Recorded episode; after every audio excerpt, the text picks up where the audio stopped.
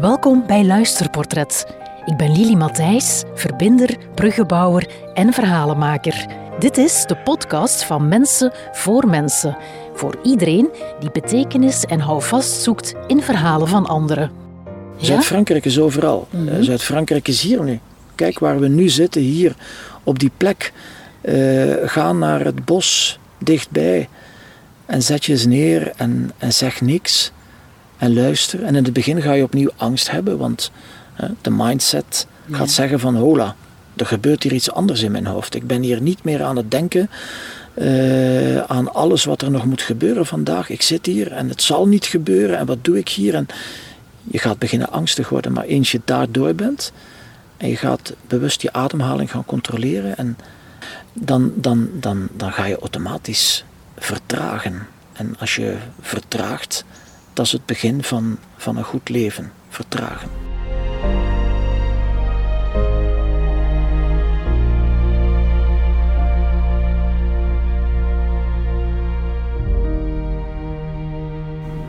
Dag Peter.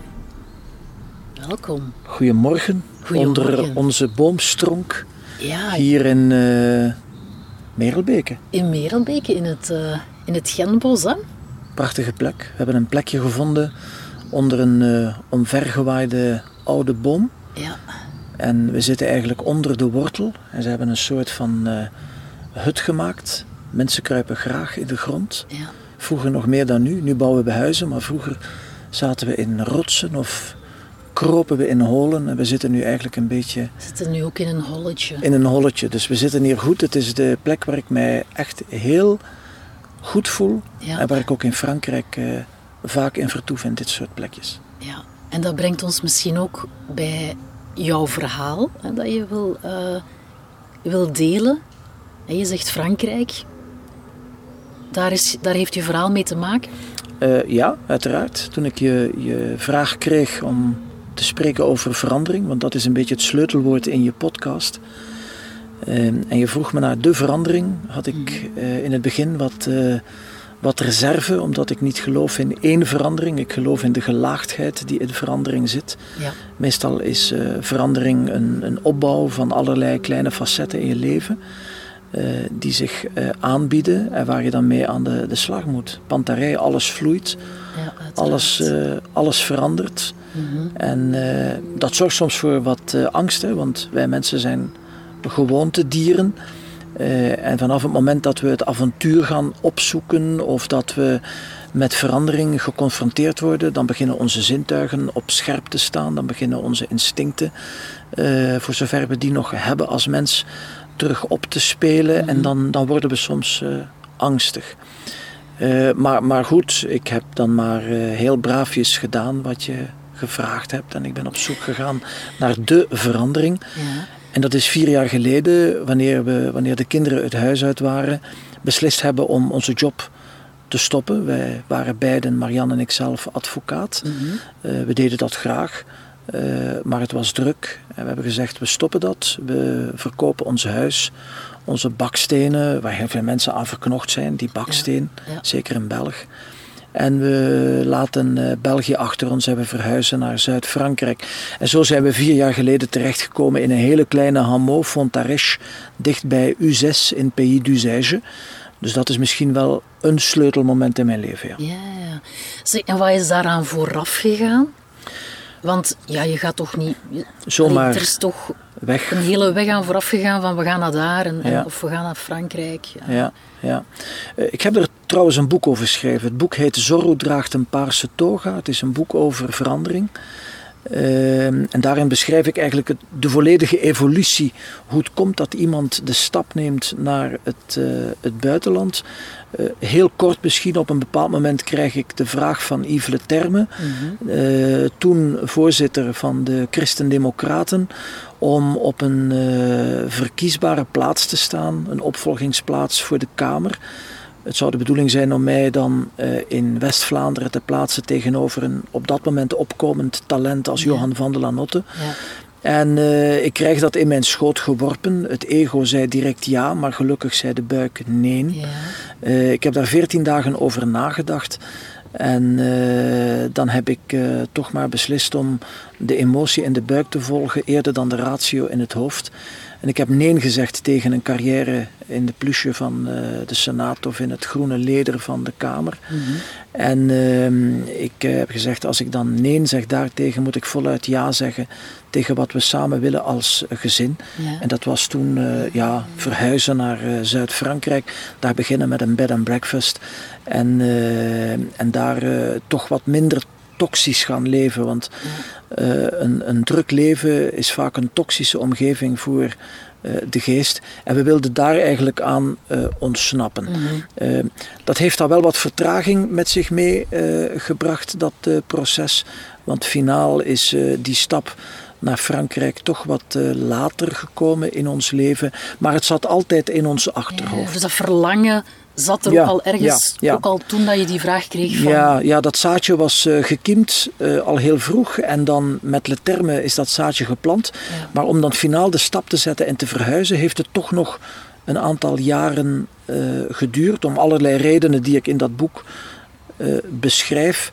Maar de verandering, zoals ik u zei, de gelaagdheid van de verandering. De verandering was ingezet en op een bepaald moment doe je dan toch samen als gezin uh, wat, je, wat je initieel uh, plant. Het was vooral mijn vrouw die op een bepaald moment erdoor zat en die zei van ja, ik, dit is voor mij allemaal te druk aan het worden.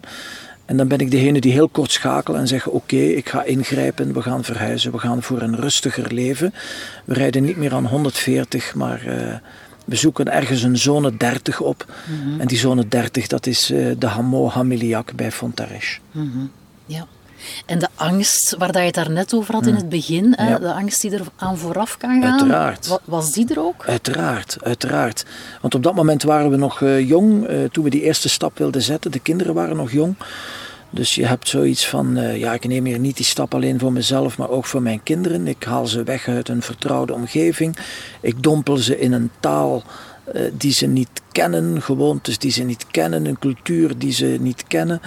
Uh, dus je hebt in de eerste plaats angst voor uh, degene die je lief zijn, voor mm -hmm. je kinderen. Mm -hmm. En dan in de tweede plaats ook voor jezelf. Van, gaat, ja. dit wel, uh, gaat dit wel lukken? Ja.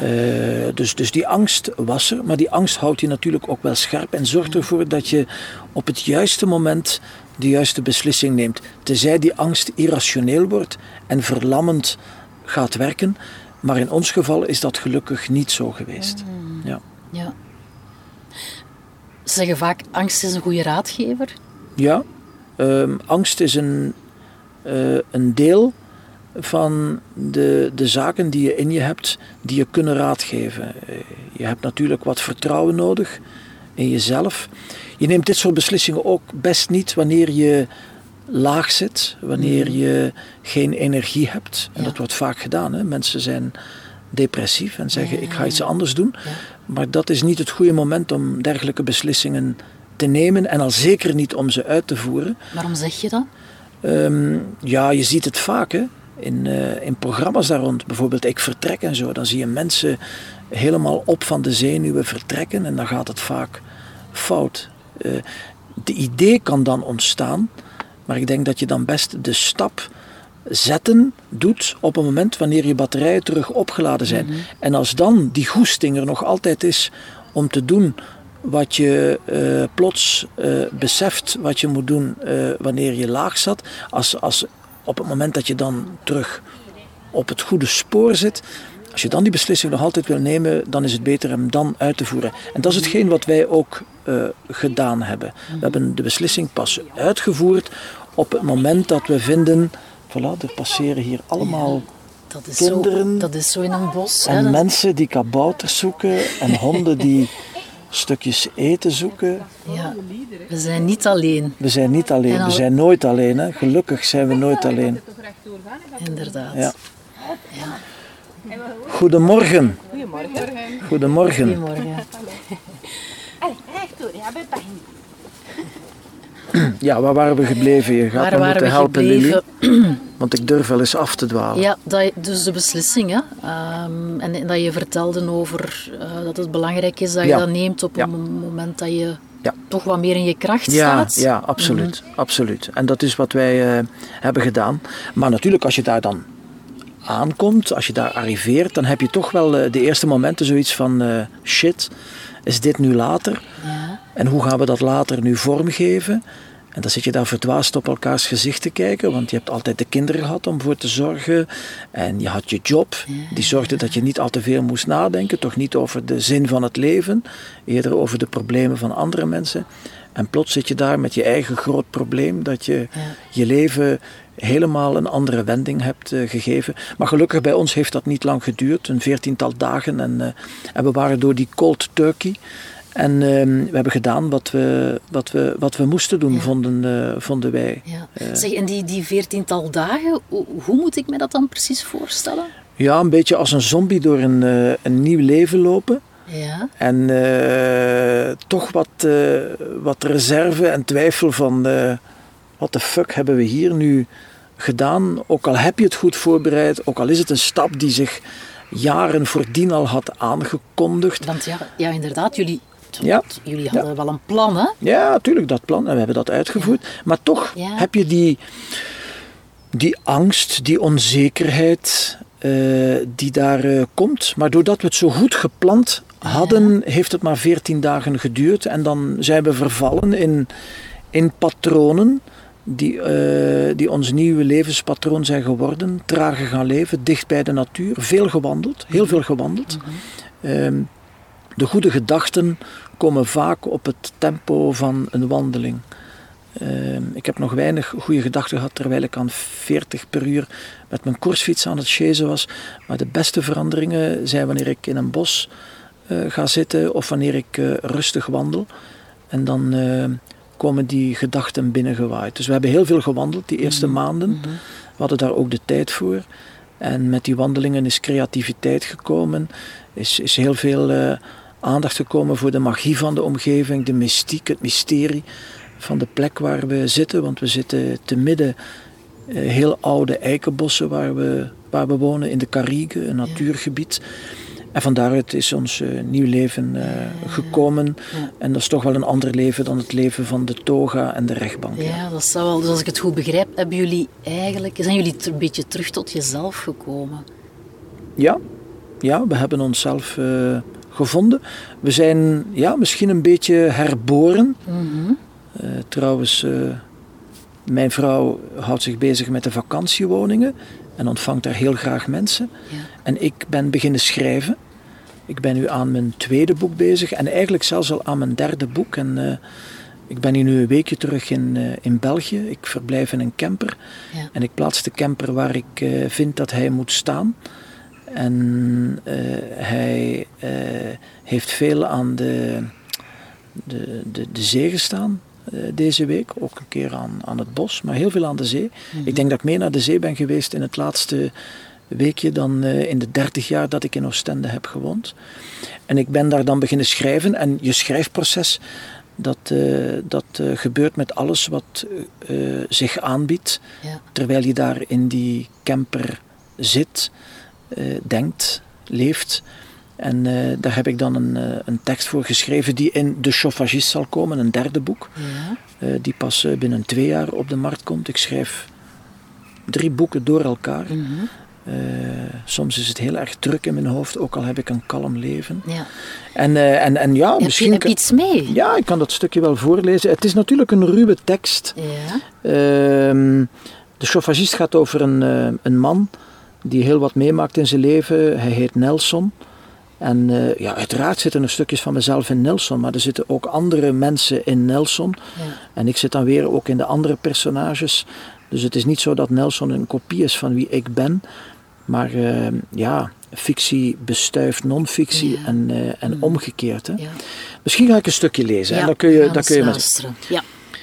De Mistral wiegt de camper als was het een berceau, de warme wieg die Nelson was ontzegd bij zijn geboorte. Nooit had een vrouwenhand de kribbe zachtjes geschommeld, noch had een moederstem niet zeggende veelbetekenende woordjes toegefluisterd. Negentien jaar geleden alweer. Vier kilogram en 620 gram zwaar, pasgeboren leven. In een doek gewikkeld. Het beloofde nog zwaarder te worden en dat werd het ook. Maar vandaag is er alleen zonlicht en lichtheid. Het wordt de dag van de wedergeboorte. Een geschenk dat hij zichzelf al sinds lang wou geven. Nelson is met de camper van Amir naar zee getrokken. Het is een eerste reis, precies één jaar nadat hij het weeshuis mocht verlaten. Zijn hoogst eigen trip naar de vrijheid, na twaalf jaar weeswezen in La Maison Providence, waar de tijd nimmer snel genoeg vooruit ging. Hij had het zichzelf beloofd toen hij op het toilet als dertienjarige door de Paris Match bladerde op zoek naar vrouwenboezems en in plaats daarvan de borstvol plukken haar van Eddie Michel zag hij aan boord van de Grand Turk, aangemeerd in Saint Raphaël, met achter hem een dubbele pagina grote diepblauwe zee. Ooit zou hij zich onderdompelen in de Mediterranee en misschien, als het moment het wou, zou hij terug boven water komen, herboren worden uit Le Grand Bleu. Saint Raphaël was te ver, te druk. Zijn oude verroeste slaapwagen zou bovendien te zeer contrasteren met het rondrijdend, glimmend ijzer met meer brute paardenkracht. Snelle bolides vol mensen met streken, de geschoren armen ingesmeerd met zonneolie factor 1, vlekken makend op hun obligate azuurblauwe polo's van Lacoste. Aan het bassin de Touw had Nelson de gehuurde Heimer tussen het strand en de duinen gezet en de voorste passagiersstoel op zijn as naar achter gedraaid. Lichtjes gekanteld. In relaxstand ligt Nelson naar buiten te staren door de opengeschoven zijdeur. De bladzijden van de op zijn schoot rustende beduimelde Parimatch gingen onrustig tekeer van 35 naar 36 en terug. De wind wist niet wat hij wilde. Eddie Mitchell en Nelson al even min. Wat doe je zoal wanneer je herboren wordt? Niemand die het hem had geleerd. De natuur boog gracieus voor zijn onwetendheid. Lange groene duingrassen toonden diep respect. De zee golfde wit schuim en ontelbare meeuwen dansten op en neer met de wind mee, tot ze elk hun acht tenen afdrukten in nat zand, om zich te goed te doen aan zeevruchtenbuffet die door de mistral op het strand was gegooid. Nelson kroot zijn voeten rond een velour kussentje. Geboren worden, herboren worden. Het begint met loslaten, de buitenwereld opzoeken. Dat ga ik doen, buiten blij zijn om niets, daar waar het koud is. Of misschien is het helemaal niet koud en zelfs warmer dan hier in de camper. De meeuwen hebben het niet koud. Ze dragen geen sjaal of muts. Zelfs stokoude meeuwen op rust zitten niet weggemoffeld in een epad, maar knus samen op een golfbreker onder de staalblauwe hemel. Piepjonge meeuwen hoeven niet te zoeken naar manieren om niet verdrietig te zijn. Hier zitten geen biddende krokodillen in zee. Zandkorrels blazen in hun tranende jeugdige meeuwenogen. Veren worden gezandstraald, maar geen enkele vogel die er last van heeft. Grauwzwarte aalschorvels bekvechten om een lege krabschelp en mossels omzwachteld met zeewier klampen zich vast aan het groene mos. De tijd dat het duurt. Nelson draait het ventieltje wat strakker van zijn mobiele zuurstofconcentrator. Voor het eerst sinds lang. De buitenlucht is rijk genoeg. Het cilindertje bengelt rond zijn lende en met de tube vertrekken van de bonbon tot aan de neusbril diep in zijn neusgaten en zijn groene zwembroek aan lijkt hij op een aarzelend marsmannetje dat eindelijk het vruchtwater hoort, ziet en ruikt na een doorleven zonder. De luchtratten vliegen nauwelijks op waar Nelson passeert. Een doodkuiken en een meeuw met een gehavende vleugel trekken zijn aandacht. De meeuw probeert Nelsons interesse af te leiden naar een stukje wrakhout. Kijk hier, wrakhout, kijk, kijk, kijk. Hier een schelp, kijk, kijk, kijk. Nelson blijft kijken naar het dode kuiken en de meeuw staart naar Nelson. Het lijkt zo echt. Raar. Geen enkele vogel met een ventil aircilinder op zijn rug. Wij worden afgevoerd met de ambulance of krijgen eerste hulp toegediend bij kortademigheid. Meeuwen niet, vader niet. Waarom gaat het zo moeilijk vader zeggen in plaats van Gaston? Omdat hij ons liet zitten? Ben ik voor hem naar hier gekomen, naar de plek waar ze hem drie maanden na zijn verdwijning vonden? Verboden te zwemmen hangt er naast de trap naar het strand toe, maar meeuwen en vaders ten einde raad lezen geen verbodsborden. Hoe hard de wind ook waaide toen in december, de zwarte fantoompijnen van zijn ziel bleven hangen. Gaston hing het water in en gebood de schepper om hem met zijn onzichtbare penseelkwast te overschilderen. Een dot verf een onstuimig mooie krul en klaar. De zwarte gedachten bleven als een cumulonimbus hangen, maar meeuwen lezen geen gedachten. En Nelson, die bleef achter. In de verte stopt een wagen, een man stapt uit. Bovenop het busje ligt surfmateriaal. Wat moet het fijn zijn om mooi te zijn, gespierd, te lijken op Luke Skywalker en niet op Darth Vader met zuurstoftekort. Heeft hij mijn bericht dan toch gelezen? Ik dacht van niet, maar het zou kunnen dat hij het is. Mensen veranderen in vijf jaar tijd. Hij zwaait. Ik ben niet veranderd. Mijn fles natuurlijk. Hij herkent mijn fles. Hij is het. Moet ik me goed voelen of beter? Soms ben ik de held, soms voel ik me als een claustrofobisch scheepswrak op de bodem van een stinkend veel te klein meer. Soms voel ik me een nuttig mensje, soms voel ik me een onmens vol zelfmedelijden. Misschien ben ik wel alles tegelijk, soms. Ik zie wel, als hij bij me is, hoe ik me zal voelen. Ik heb nog tijd, 150 meter droog zand de tijd om na te denken wat ik zal zeggen. Ik zal hem vragen of hij twee dolfijnen wil spelen. Of zijn we daar nu te oud voor? We speelden nooit samen. Hij mocht het weeshuis verlaten, hij had geluk. Hij kon instappen bij vreemden die hem kwamen halen met de wagen. Ik bleef achter bij het geluid van de tram die langs onze kamer voorbij passeerde. De dwarssporen klonken als salueringsschoten om Jan en Alleman te bedanken voor de goede zorgen die me te beurt vielen. In de zomer kon het er warm zijn. Zelfs met de vensters open was het dof warm, dat zelfs muggen in mijn kamer tegen het muggenhaas plakten om buiten te geraken. Mijn bloed boeide niet. Zorgeloos spelen, ja. Synchroon kunstjes doen met een broer die ik niet lang genoeg heb gekend, die me is afgenomen door mensen met een kinderwens en in mij hun kind niet zagen. Zou de synchroniciteit in onze genen zitten, of is hij de waan vergeten van vroeger, de gekte van onze vader? We hielden elkaar vast, we hielden van elkaar toen. Maar was het genoeg om straks dolfijn te zijn, samen, voor even? Dat is zo'n tekst die ik bijvoorbeeld schrijf dan in mijn camper. Ja, mooi. Je bent een mooie verteller. Je moet er een luisterboek van maken als die af is, hè? Ja, ja. dankjewel. ik, ik lees ook wel graag en ik, ik schrijf vooral graag. Mhm. Het is, uh, ik, ben een, uh, ik denk dat ik een soort menselijke Dyson ben. Ik, ik, uh, ik zuig gedachten op. Ik zuig gebeurtenissen op, elke dag opnieuw. Ja. En dan s'avonds moet die Dyson-cilinder weer geleegd worden. En dan schrijf ik dat van me af. Ja. En dat werkt ook een beetje zielsreinigend, want er zitten uiteraard zaken uit je verleden in, in een boek, in figuren, zoals Nelson. Ehm, sommige psychologen denken dat trauma's dat dat iets zeldzaam is, maar ik denk dat alle mensen trauma's hebben. Alle mensen dragen trauma's met zich mee. En gelukkig uh, resulteert dat niet altijd bij iedereen in een neurose of een psychose mm-hmm. of, of een, of een uh, psychosomatische problematiek. En, en kunnen we dat plaatsen en kunnen we helen en de samenleving heelt en verhalen helen, mm-hmm. verhalen zoals wij ze nu ja. aan het vertellen zijn tegen elkaar en andere mensen luisteren en halen daar dingen uit waardoor zij weer op hun beurt beter worden, ja. genezen. Ja. Dus, uh, en, en, en ja, ja, dat geloof ik, ik, ik, heb ook trauma's, uiteraard. Jij ook? Ja, uiteraard geloof ik ook heel hard in. Um, het stukje dat je nu voorgelezen hebt, hoe, hoe verhoudt zich dat hmm. tot... Allee, ja, tot, tot mijzelf? Tot, tot, je, nee, nee, tot je verhaal tot van, van je verhuis. En, en... Ja, um, verhuizen is soms ook een beetje weglopen van, van zaken die minder plezant zijn uh, geweest in je leven. Mm. Bij mhm. mij hebben die zich vooral... Uh, in mijn jeugd plaatsgevonden. Uh, ik kan niet zeggen dat ik een vrij fijne jeugd heb gehad, met uitzondering van mijn eerste jaren bij mijn grootouders. Die waren dan weer heel goed.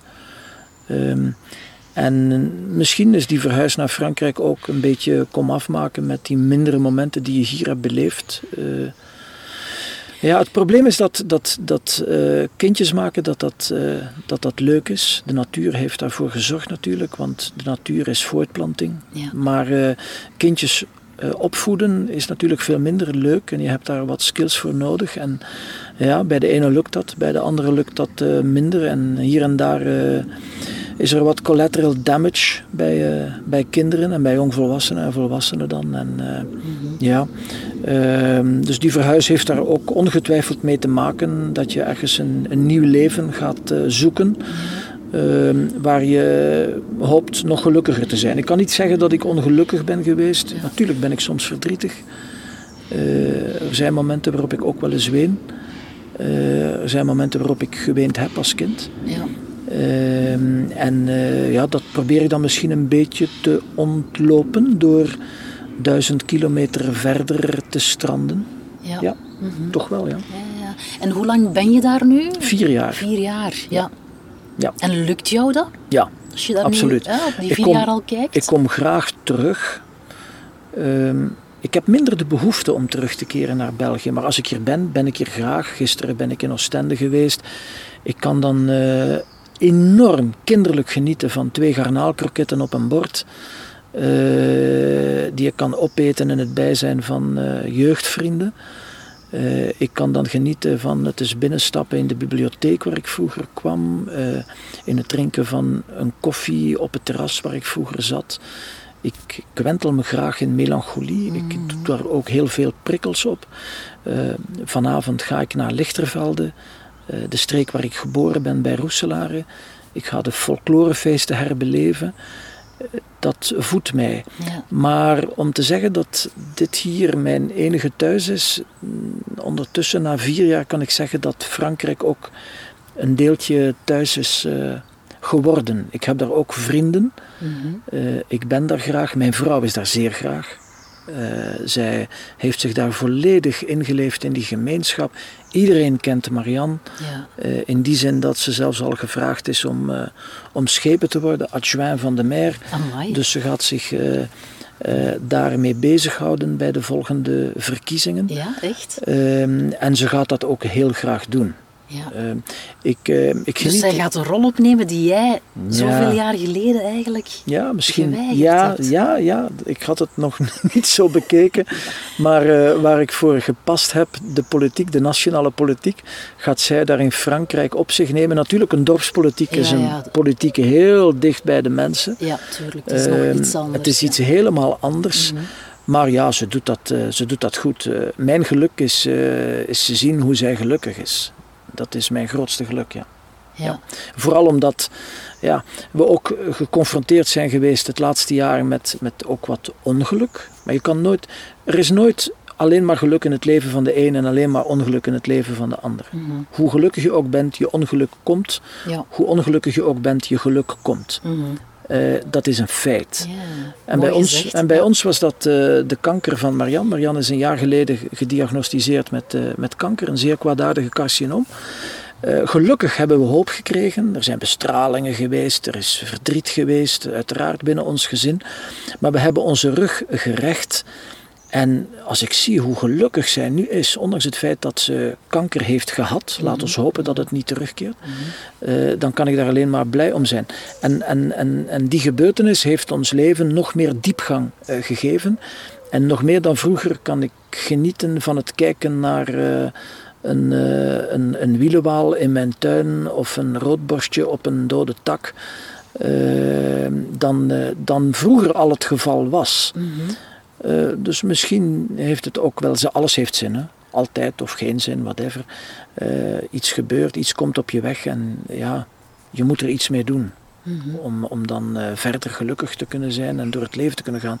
Zij had zich kunnen laten gaan en haar rug krommen en medelijden opwekken, maar dat heeft ze niet gedaan. En ja, als ik haar nu zie, dan, dan zie ik een zeer combatieve vrouw die met die kanker op een zeer lucide, heldere, rationele manier omgaat en gelukkig is in het leven en, en hopelijk nog lang leeft. Ja. Mhm. Ja. ja, mooi. Dat je zo met liefde kan naar kijken. Hè? Ja. Ehm, Oké, en, en je gaat volgende week terug naar Frankrijk. Ik ga maandag terug naar eh, Frankrijk en dan kom ik in oktober eh, terug naar België voor de geboorte van mijn kleinkind, mijn eerste kleinkind. Dus zoals ik je zei, Lili, alles verandert, altijd. Een nieuwe generatie die aan mijn rug duwt. Ik zie nog meer de klif, de afgrond van het eh, eeuwige niets na de dood. Eh, maar goed, misschien leef je het, het, het meest intens wanneer eh, de dood dichtbij is. Wie zal het zeggen? Maar we worden ouder, Ja. allemaal. Hè? We voelen ons nog een kind. Ik ben een groot kind. Ja. En mijn kinderen zeggen dat ook. Dat ik meer kind ben dan, dan zij waren toen ze 15, 16 jaar waren. Maar ik beschouw Ja. dat als een compliment. Ja, ja, ja. ja. Ehm, maar goed, dan komt daar een, een kleinkind bij, een nieuwe generatie, die je dan eh, wel wat eh, eh, zaken zult bijleren en, en wijsheden zult hopelijk meegeven, waar Mhm. zij dan weer iets mee zijn. Ja, de volgende generaties. Hè? Ja, ja. Ik, hoor, ik hoor jou zeggen, hè, intenser leven. Ehm, wat doet dat met jou? Dat gevoel dat je ja, Ja, dus, toch dus- wel nu intenser leeft. Ja. Ehm, je bent alerter hè, voor dingen die vroeger evident waren. Ehm, ik kan zo genieten van het besproeien van een doodstuk hout waar mos op groeit. En als je dan dat mos ziet herademen, dan eh, word ik daar eh, gelukkig van. Ik kan eh, ja, intens gelukkig worden van het bestuderen van een mierenkolonie die instinctief doet wat ze moet doen. Ik kan genieten van het eh, observeren en het bestuderen van een bijenkorf, eh, waar ik dan parallellen probeer in te zien met, eh, met het mensdom. Want er is een hele grote correlatie tussen het dierenrijk van de bij en het mensdom. Dat is een feit. En, en daar dan rond zaken opzoeken. Ik heb er nu gelukkig ook de tijd voor om dat te doen. Ik hoef niet hals over kop naar de crèche te gaan, Ja. omdat de kleine er al als laatste een kwartier staat te draaien met eh, de oppas van dienst, omdat ik weer al eens te laat van de rechtbank ben vertrokken, Ja. eh, waar een zaak is eh, uitgelopen en waar ik nog wat telefoons tussenin heb gedaan. Dus ik hoef dat allemaal niet meer te doen. Dus ik heb de luxe om intens te kunnen leven. Dus ja, en, en ja, ik zou zeggen tegen mensen, heb er vertrouwen op dat die momenten in je leven ook zullen komen. En, eh, eh, als je kinderen hebt van 15, 16 jaar, dan kan je die luxe niet permitteren. Ik toch niet. Dan leef je op automatische piloot en dan doe je wat er moet gedaan worden. Dan zijn dat je verdomde plichten. Want ouders zijn er om te dienen. hè. Ik zeg dat heel graag, omdat ik niet altijd eh, die luxe heb gekend om ouders te hebben gehad die, die, die, die onvoorwaardelijk dienen. Ja. Eh, maar ouders zijn er om onvoorwaardelijk te dienen, ook al heb je etters van kinderen. Waarmee ik niet wil zeggen dat mijn kinderen etters zijn. Ehm, maar, maar, maar die periode komt wel hè, bij mensen. Als eh, de kinderen het huis uit zijn, dan, eh, dan zul je jezelf terug herontdekken. En dan word je hergeboren. Wil dat zeggen dat je eigenlijk, allee, vanuit jouw ervaring, moet, eerst moet kunnen vertragen om Ja. ja. terug te herontdekken, her, Ja. een stuk herboren te worden? Vertragen, absoluut. Ja. Ja, het leven gaat hier zo snel. Dat is het eerste wat mij altijd opvalt als ik terug in België kom. Hoe hard gewerkt wordt in België. Mensen werken hard in België. Als gemeenschap werken ze hard. Ze dragen verantwoordelijkheid, allemaal. Hoe meer zuidelijker je gaat, hoe trager het leven gaat. Er wordt gewerkt, maar er wordt ook heel veel bewust geleefd daarnaast. Eh, mensen komen meer samen, nemen de tijd om te eten. De eerste keer dat ik daar ging eten, wij hadden ons voorgerecht, ons hoofdgerecht, ons dessert, onze poescafé op, Ja. toen de Fransman naast ons nog bezig was met zijn aperitief. En je was tegelijkertijd begonnen. En we waren tegelijkertijd begonnen. Dat zegt alles over een Belg en een Zuid-Fransman. Ja. Zij nemen de tijd om te eten. En als je de tijd neemt om te eten, neem je automatisch de tijd om te leven. Hè? Hoe vlug wordt hier niet geëten? geëten vlug, rap, rap, rap, rap. Ja, ja. Eh, een sandwich. Ja. En dan zie je soms mensen wandelen terwijl ze die sandwich aan het eten zijn en een telefoontje aan het doen zijn. Heeft niks meer met eten te maken natuurlijk. Trouwens, na die sandwich ben je ook helemaal vergeten dat je een sandwich hebt gegeten. En neem je er nog een met alle gevolgen van dien. En obesitas, enzovoort, enzovoort. Dus maar dat bewust eten en leven, dat heb ik geleerd in, eh, in Frankrijk. Ja. En zo gaat het met alle zaken in Frankrijk. Het gaat er trager. Dus een, een goede tip. Zoek wat mogelijkheden om trager te leven. Doe wat tai chi. Doe wat tai chi oefeningen. Doe wat yoga. Doe wat buikademhaling. Leer terug adem te halen. Bewust. En als je dat kan, als je bewust kan ademhalen, dan kan je beginnen met bewust te leven. Dat is wat ik gedaan heb hier. Dat is mijn redding geweest in de hectische helterskelter van mijn advocatuur. Heb ik daarnaast toch altijd enkele momenten genomen om bewust adem te halen. En dat doe ik nog steeds, elke dag opnieuw, maar nu veel meer dan vroeger. Dus je hoeft niet per se naar het buitenland te gaan Nee, wonen oh, om trager Nee. te gaan leven. Nee, nee, eh, Zuid-Frankrijk is overal. Ja? Zuid-Frankrijk is overal. Mhm. Eh, Zuid-Frankrijk is hier nu. Kijk waar we nu zitten, hier op die plek. Eh, ga naar het bos dichtbij en zet je eens neer en, en zeg niks en luister. En in het begin ga je opnieuw angst hebben, want de mindset gaat Ja. zeggen van hola, er gebeurt hier iets anders in mijn hoofd. Ik ben hier niet meer aan het denken eh, aan alles wat er nog moet gebeuren vandaag. Ik zit hier en het zal niet gebeuren en wat doe ik hier? En je gaat beginnen angstig worden, maar eens je daardoor bent en je gaat bewust je ademhaling gaan controleren en, en die buikademhaling vooral doen. Niet ademen met je borst en je hoofd, maar met je buik en met de plexus. Dan, dan, dan, dan ga je automatisch vertragen. En als je vertraagt, dat is het begin van, van een goed leven. Vertragen. Mhm. Ja. Vertragen, veranderen. Ja. En het vertragen is bij jou gekomen voordat je weg was? Of? Ja, toch wel. Ja, ja, zeker. Ik kan niet zeggen dat het vertragen... Het vertragen is al ingezet tien jaar voor ik ben vertrokken naar eh, Frankrijk. Ah. Want soms kwam ik op de rechtbank en... Ja, ik, ik zat toen ook in serviceclubs en, en, en wat weet ik allemaal. Je moet daarin zitten om zaken binnen te halen. Dat is ondernemen. Maar, maar, maar toch al tien jaar voor ik verhuisde had ik het gevoel, wat doe ik hier? Ja, wat doe ik hier? Ik herinner me, ik zat toen in, in, in, in de Lions, in oprichting, in de Lions Permeke eh, land, in De Haan. En ik zat naast Staffersluis, de wereldzeiler, die toen ook gevraagd was om, om mee in de Lions te gaan. En we zaten daar met dertig eh, mannen in maatpak. Ik, droeg toen nog een maatpak en een, en een das. Ik kan de tijd niet meer noemen dat ik nog een maatpak droeg.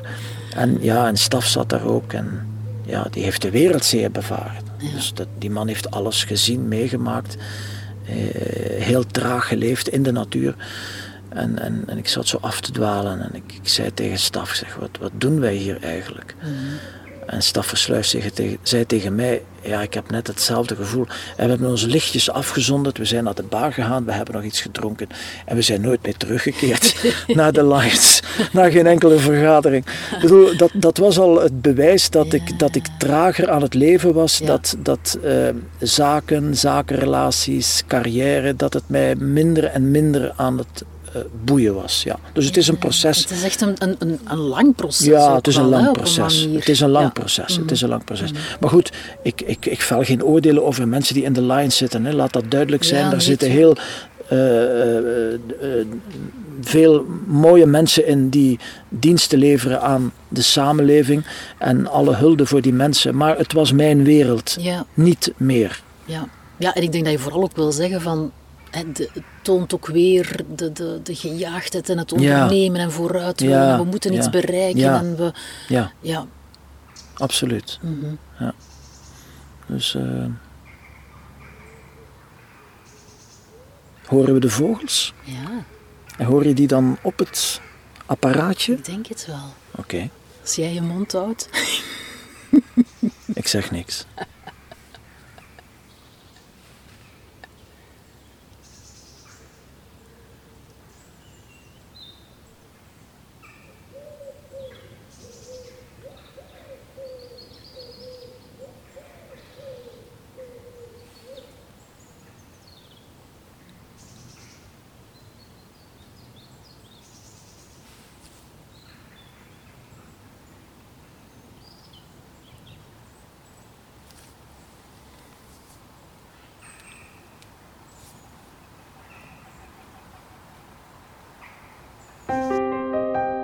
Bedankt voor het luisteren. Wat heeft dit verhaal voor jou betekend?